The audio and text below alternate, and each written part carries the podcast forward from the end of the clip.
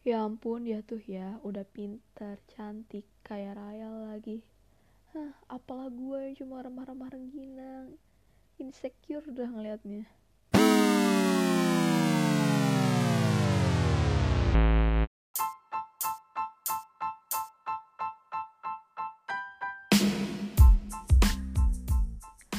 Halo semua, welcome to Mas Podcast. Kenalin, aku Masyara Halida Nurfadila dari Sekolah Farmasi ITB 2020. Beberapa menit ke depan, aku akan nemenin kalian untuk membahas salah satu permasalahan duniawi yang kita kenal sebagai insecurity.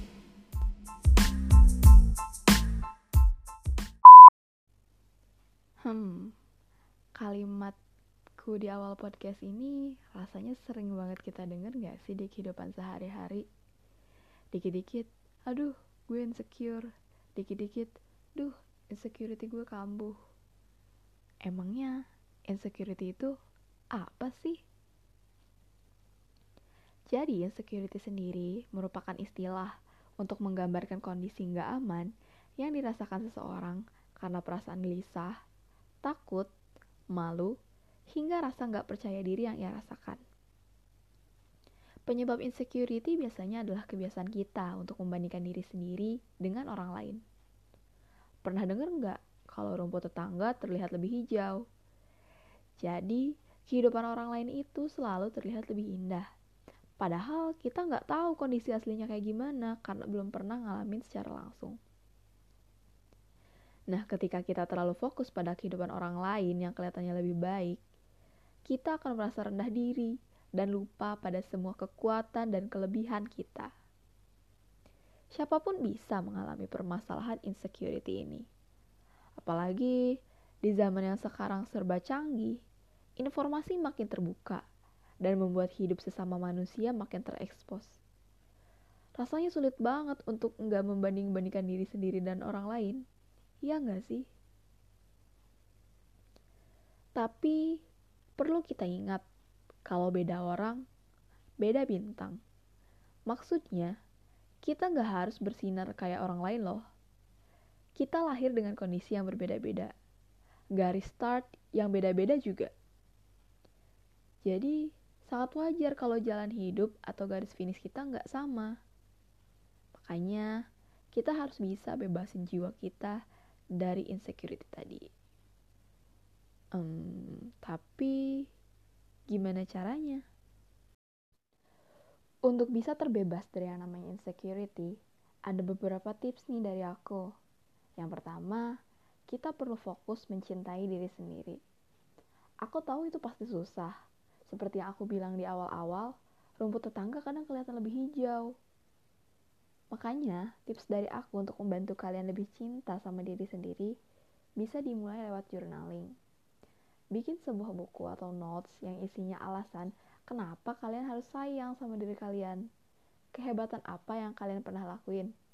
Keunikan apa yang kalian punya. Dan hal-hal lain yang bisa kalian catat supaya kalian lebih mengenali dan juga mencintai diri kalian sendiri. Oke, itu yang pertama. Lanjut nih ke tips yang kedua adalah selain mencintai, jangan lupa untuk mengembangkan diri kita sendiri.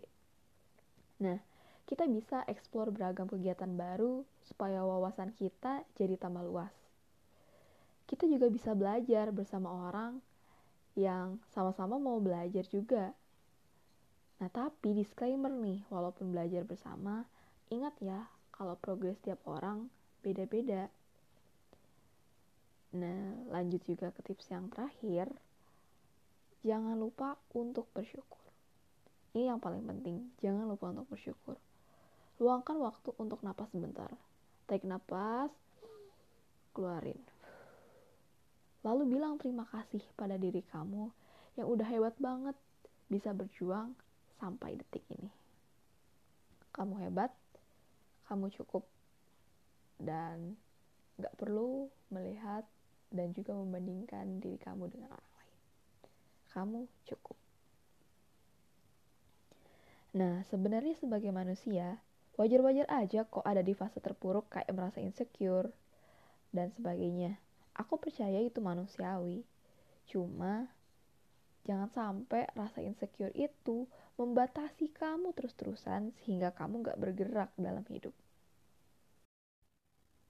Ngomong-ngomong teman-teman semua, gak kerasa ya waktu tuh udah berjalan beberapa menit gitu aja. Dan aku udah nyampein apa yang mau aku sampaikan mulai dari penjelasan tentang insecurity sampai tips-tips yang aku punya untuk kalian. Nah, aku berharap Semoga tips-tips tadi bermanfaat.